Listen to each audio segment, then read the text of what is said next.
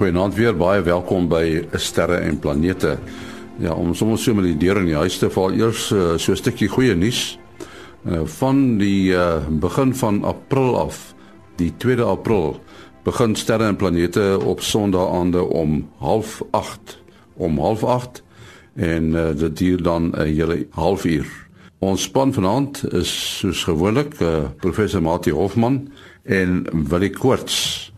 Ons het ruimte nuus wat geskryf word deur Herman Turin in Bloemfontein en natuurlik die weer wat van die son afkom en dit word vir ons gemonitor deur Kobus Olkers daar in Florida, Amerika. Maar eers dan ruimte nuus en soos ek gesê het, word dit geskryf deur Herman Turin in Bloemfontein. Die huidige internasionale ruimtestasie is geskeduleer om teen 2024 uit diens gestel te word En intussen besin die deelnemende ruimteagentskappe oor of die opvolger nie om die maan eerder as die aarde moet wentel nie. Dit hou verskeie voordele in, waaronder die besparing van brandstof om dit kort kort in 'n hoër baan te lig wanneer dit te veel na die aarde terugsak. Die plan vir die baan om die maan veroorsaak egter ook meningsverskille. Die Russe beoog 'n ruimtestasie op die maan en het belang daarbey dat die ruimtestasie in 'n baan naby die oppervlak wentel. Die VSA se oog is weer op Mars gerig en 'n baie hoër wentelbaan sou ideaal wees. As kompromis word onder meer gekyk na die moontlikheid van 'n baie elliptiese baan waar die stasie op sy naaste 1500 km van die maan sal wentel en op sy verste sowat 70000 km bo die oppervlak. 8 jaar nadat 'n Indiese tuig Chandrayaan-1 in 'n wentelbaan oor die maan se pole geplaas is, maar na minder as 'n jaar verdwyn het, het NASA die tuig weer opgespoor. Hoewel Chandrayaan-1 reeds destyds so wat 95% van die werk verrig het waarvoor dit gelanseer is, was dit vir die floreerende Indiese ruimtebedryf 'n swaar morele slag toe kontak daarmee verloor is.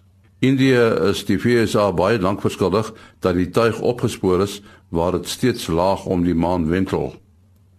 Nog vier tuie, twee van China en twee van die VSA, wentel op die oomblik om die maan en dit is baie nodig dat hulle bane goed dopgehou word om ruimtebotsings te voorkom. Boonop beplan verskeie lande om binnekort ook tuie na die maan te stuur. Dit was aan ruimtenis wat uh, vir ons geskryf word deur Herman Turin in Bloemfontein. Nou kom ons okkers daar in Florida, Amerika met sonweer. Ja, ek sit nou hier en kyk na die magnetogram van die son. En dit lyk vir my asof ons vriendie waar nie te veel aksie het hierdie week nie. En ook nie wel omtrent geen aksie van sedert uh, ek sou sê die middel van verlede week af nie. Baie stil. Ek hoop ons uh, amateur radioluisteraars is gelukkig, gelukkig en maar as ek nou so vinnig kyk, dan sien ek uh, 'n areaotjie van noordwaarts gerigte magneetveld so aan die bokant van die son, die boonstelfront van die son en net onder hom is daar so nog 'n areaotjie wat suidwaarts gerig is tussen die twee daar nou filament ontstaan wat maar kort is, hy's net so 'n paar duisend kilometer lank. Uh maar hy lyk asof hy redelike mooi prominent daar daar staan. Daar is 'n kans dat hy kan losbreek en vir ons uh later in die week hier steen Woensdag as hy sou losbreek uh, 'n bietjie magnetiese onstabiliteit sou sou verskaf.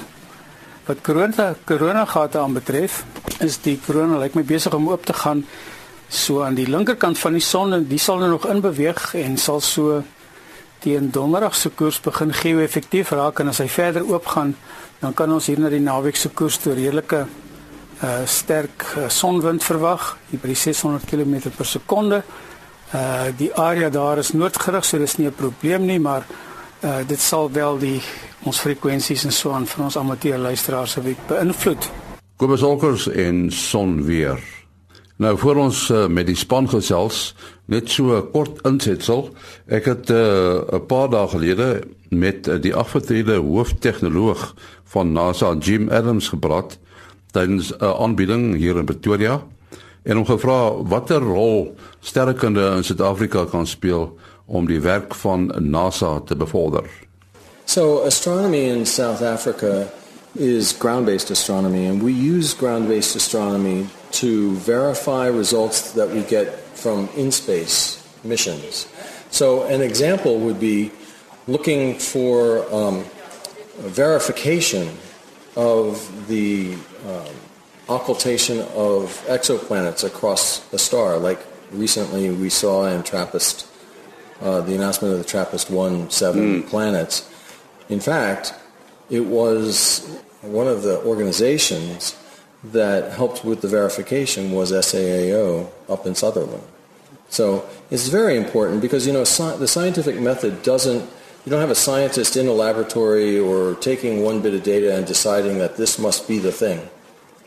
What you have is you have uh, a group of scientists that are looking at a hypothesis, and to see if people can re- reproduce their results needs lots of scientists. And I believe that astronomy in South Africa is key to that sort of thing. Hmm.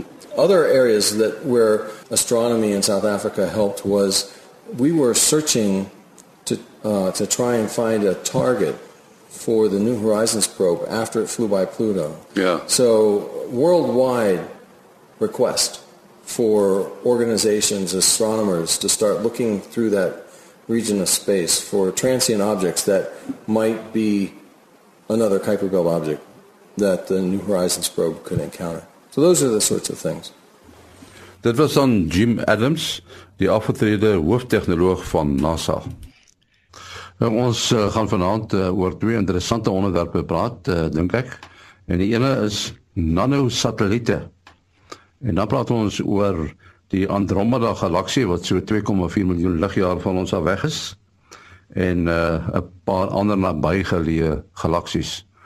Ouder gewoonte by die mikrofoon het ons vir uh, Willie Koorts van uh, die SAAO en dan ook vir uh, professor Mati Hofman van die Universiteit van die Vrystaat, die Boyden Sterrewag en die digitale planetarium. Kom ons uh, wil praat eers oor 'n nanosatelliete. Is dit dieselfde ding as 'n CubeSat? Ja, dit is nou weer een van daai dit hang af of ja en nee tipe antwoorde. Uh as mens nou kyk na die klassifikasie van satelliete word hulle eerstens volgens hulle gewig soort van geklassifiseer.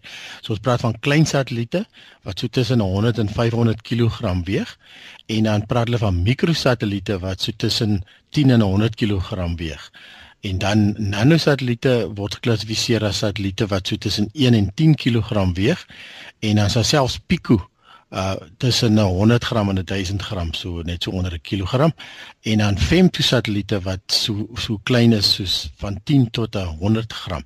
So uh, die uh, uh CubeSat is 'n is is 'n halfe uh, is klassifikasie op sy eie wat meer dui op die grootte van die satelliet jy kan CubeSat skryf wat uh, as hulle meer as 10 kg weeg sal hulle natuurlik onder die mikro satelliete klassifiseer en as hulle onder 10 kg en en en dan uh, meer as 'n kilogram weeg sal hulle 'n nanosatelliet wees. So as jy nou klein genoeg uh, of lig genoeg kan bou kan jy selfs 'n CubeSat uh, as as 'n pico pico satelliet uh, klassifiseer as net onder 'n kilogram gaan wees. So die standaard vir 'n vir 'n CubeSat is 'n is 'n 100 by 100 by 100 kubus dit is hier in die 90's uitgedink en dan die eerstes is hierso in uh, 2012 uh, ge, gelanseer en uh, intussen het het daar al 'n hele klompie van hulle gelanseer. Nou hierdie uh, 100 by 100 by 100 kubus kan jy ook jy kan twee op mekaar sit dan is sal hulle natuurlik 200 mm of 2 uh, 20 cm hoog wees. Ehm um, dan kan jy uh, jy kan selfs drie op mekaar sit en so. Hulle praat gewoonlik van U soos 1 U is dan 'n uh, 100 by 100 by 100 en dan uh, twee U sal dan twee van hulle op mekaar wees, 3 U uh, drie van hulle op mekaar. So Suid-Afrika self het al uh, 'n uh, nanosatelliet gelanseer of 'n 'n 'n CubeSat. Uh, dit was gebou uh, deur die uh uh SEPU die Cape Peninsula University of Technology en um, ek het nogal die voorreg gehad om dit te sien voor hy gelanseer is in die in die skoonkamer uh was ons een keer daar vir 'n 'n radio sterre uh by einkoms en toe uh toe toe kon ons homself te sien kry voor hy gelanseer is.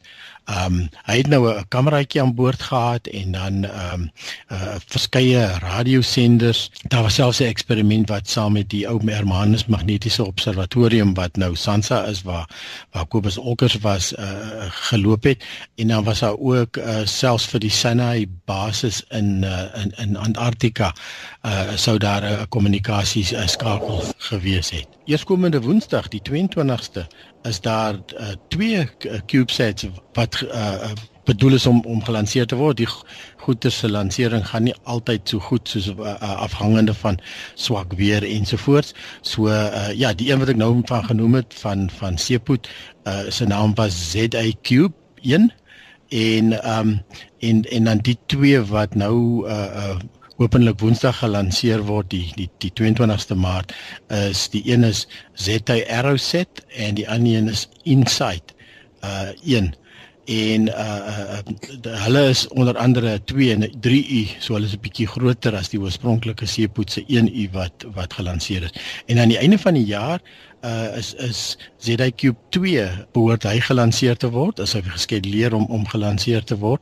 En dan um in 2019 uh gaan die radioliga van Suid-Afrika die SAMSat ook 'n ook 'n klein uh, uh CubeSat uh, met die naam van Kletskous uh gaan hulle dan uh lanseer. Ja, so die voordeel van van nanosatelliete en picosatelliete en femtosatelliete is dat uh is eintlik baie goedkoper om te lanseer.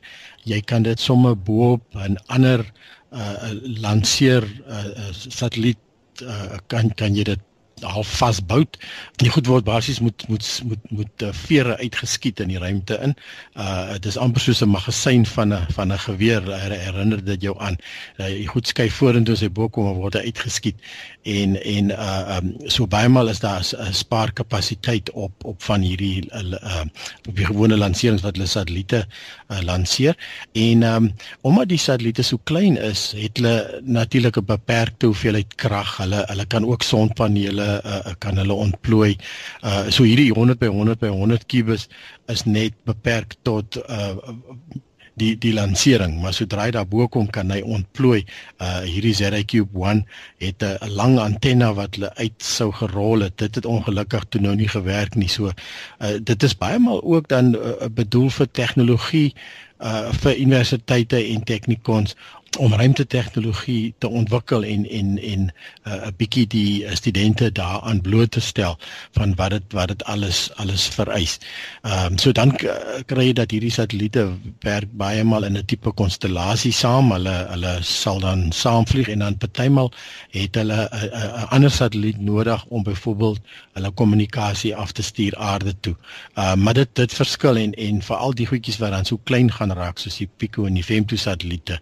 Uh uh um, kan onmoontlik al al daardie krag en sonpanele en uh, antennes uh, kan hulle huisves op so 'n klein voetprint kan jy maar sê so so dan is hulle partymal afhanklik van van 'n van 'n naby satelliet uh waarmee hulle saamvlieg om dan die kommunikasie te voltooi ensovoorts. Ja, maar dit ek wonder dikwels, jy weet die ouens pla mekaar eintlik oor uh, die die ruimte wat oorbevolk is. Nou stuur hulle 'n klomp kleintjies op maak dit nie die probleem erger nie. Uh ja, nee, dit kan nie die probleem erger maak. Dit hang af uh of daardie satelliete se baan laag genoeg is dat hulle nie te lank daar gaan spandeer nie, dat hulle gaan uitspiraal of inspiraal liewers uh weens die geringe weerstand met die bietjie dun atmosfeer wat daar wel in die ruimte is. Wil jy sal seker beter wees weet wat is die uh, tipiese hoogte van hierdie CubeSats? Uh, maar as hulle nie te lank daar gaan spandeer nie, dan is dit nou nie so 'n groot probleem nie. Maar as dit nou uh, by mekaar tel effek is en hulle bly daarso vir uh, vir jare of dalk dekades, dan gaan dit beslis 'n groot probleem word. Uh en daardie baan dit uh, daar sekere bane wat baie dig bevolk is, weet die die algemene naby aarde uh baan van die satelliete waar baie van die satelliete is. En dan kry jy natuurlik die geostasionêre uh uh baan wat ook baie uh, hoog bevolk is. Ja, dit is presies wat, wat my bekommernis ook is. Ehm um, ja, en dit lyk met die bane verskil, maar dit hang natuurlik nou afhang afvang die van die is is ehm um, vuurpyl waarmee hulle gelanseer is en ehm um, ek bedoel hulle dink in die toekoms om om selfs van die goeters verder te stuur ensovoorts so so dit klink my dit is maar 'n mengelmoes van bane en en soos jy sê dit maak dit nou eintlik baie maklik vir uh, uh jy hoef nie meer 'n sterk ruimtenasie te wees om om 'n satelliet in ruimte te kry nie. Jy kan nou universiteit wees of 'n teknikon en en jy kan die goed in die ruimte plaas. So dit dit is nogal 'n uh, uh, effense bekommernis het ek ook al al gedink want al is dit 'n klein satellietjie, um as as jy teen 20 30000 km uh, per uur in in twee satelliete teen daai spoedbots al al is dit 'n klein uh, satellietjie gaan hy nog baie groot skade maak. Ja, so en dit klink vir my dit uh, gaan uiteindelik bepaal bydra tot die tot die probleem want die CubeSats omdat hulle so klein is gaan nou nie oor meganismes uh, beskik om hulle heen en weer te beweeg of in 'n ander baan in uh, te beweeg nie van die satelliete wat byvoorbeeld in die geostasionêre bane is as hulle hulle funksie uh, uitgedien het, dan moet hulle geparkeer word op bietjie uh bietjie verder weg vanaf die aarde. Ehm maar die CubeSats sal nie sover ek weet nou oor daai vermoë beskik om uit die pad van ander groter satelliete te, te kan beweeg nie. Goed, ons uh, het beloof ons ons so ietsie oor uh die ander galaksie sê dit is Andromeda. Willie, dit is nogal iets moois om te sien as 'n ou ordentlike verkyker het, nê? Nee? Ja, hierso by ons in die suidelike halfrond is is sit nou nie so goed geplaas soos van die noordelike halfrond af nie. So ons het nou wel die ons het laasweek gepraat oor of julle het laasweek gepraat oor oor Omega Centauri en 47 Tucana en die hierdie ongelooflike mooi sterre bondels of sterrehope uh en en waar ons bietjie tekort skiet aan die, in die suidelike halfrond is dan nou aan aan galaksies. So uh, is gewoonlik hier by November Desember as ek reg het uh is sit die Andromeda galaksie hier van die Kaap af sit hy so so net so 'n handbreedte bo kan die noordelike horison as jy op die regte tyd van die aand kyk of van die regte tyd van die jaar. Ehm um, en uh dit is met die blote oog sigbaar. Jy moet uit die hart van die saak by 'n baie donker plek wees, uh, soos van van die Karoo af of Vrystaatse platland of sulke plekke waar daar nie stadsliggies is nie en jy 'n lekker mooi skoon uh, noordelike horison en uh um, dan kan jy duidelik sien dit lyk soos 'n soos 'n soos 'n streepie wat daar wat daar sit so 'n va, val streepie. En dan met 'n verkyker kan jy met die aard van die saak baie mooi sien en uh, en natuurlik 'n teleskoop nou nog nog 'n en uh, nog 'n en mooier. So uh, en dan selfs daar naby naby die Andromeda self is daar, is daar nog 'n satellietgalaksie wat wat rondom uh, Andromeda uh, of in dieselfde groep wat eintlik ook dieselfde groep is waaraan ons eie Melkweg behoort en en dan met, met gravitasie gebind is aan dit. Ja, uh, ek dink dit is altyd interessant vir mense as hulle nou die galaksie sien om te weet dat die lig wat hulle op daai oomblik sien, 2,4 miljoen jaar gelede daar weggetrek van uh, Andromeda af, né? Nee? Uh, ag selfs net as ek nou net om daai selfe punt tuis te bring dan dan dan laat ek byvoorbeeld 'n groep mense of kinders kyk na ehm um, na Alpha Centauri die naaste ster aan ons so uh, uh dit so oor die 4 ligjare weg. En dan vir alles 'n klein kindertjies kus dan dan sê jy vir hulle besef jy daai lig is weg daarso. In uh sê nou maar 2013 of 14 en hoe oud is jy nou en waar was jy toe gewees? So die die lig van van Andromeda uh, is net so oor die 4 miljoen 4.5 miljoen jaar gelede weg wat nou nou eers hier aankom.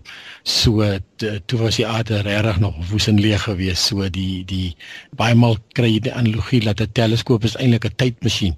So jy kyk terug in tyd. Uh, jy kan natuurlik nie die tyd vorentoe draai nie.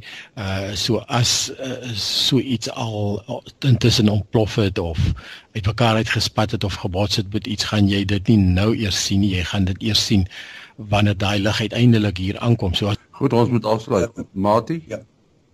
Uh nee, ja, selfoonnommer 0836257154. 0836257154. En dan Willie? En 0724579208. 0724579208. En uh, ouer gewoonte my e-posadres maas.henny@gmail.com. maas.henny@gmail.com. Volgende week is ons weer hier. Tot dan. Mooi loop.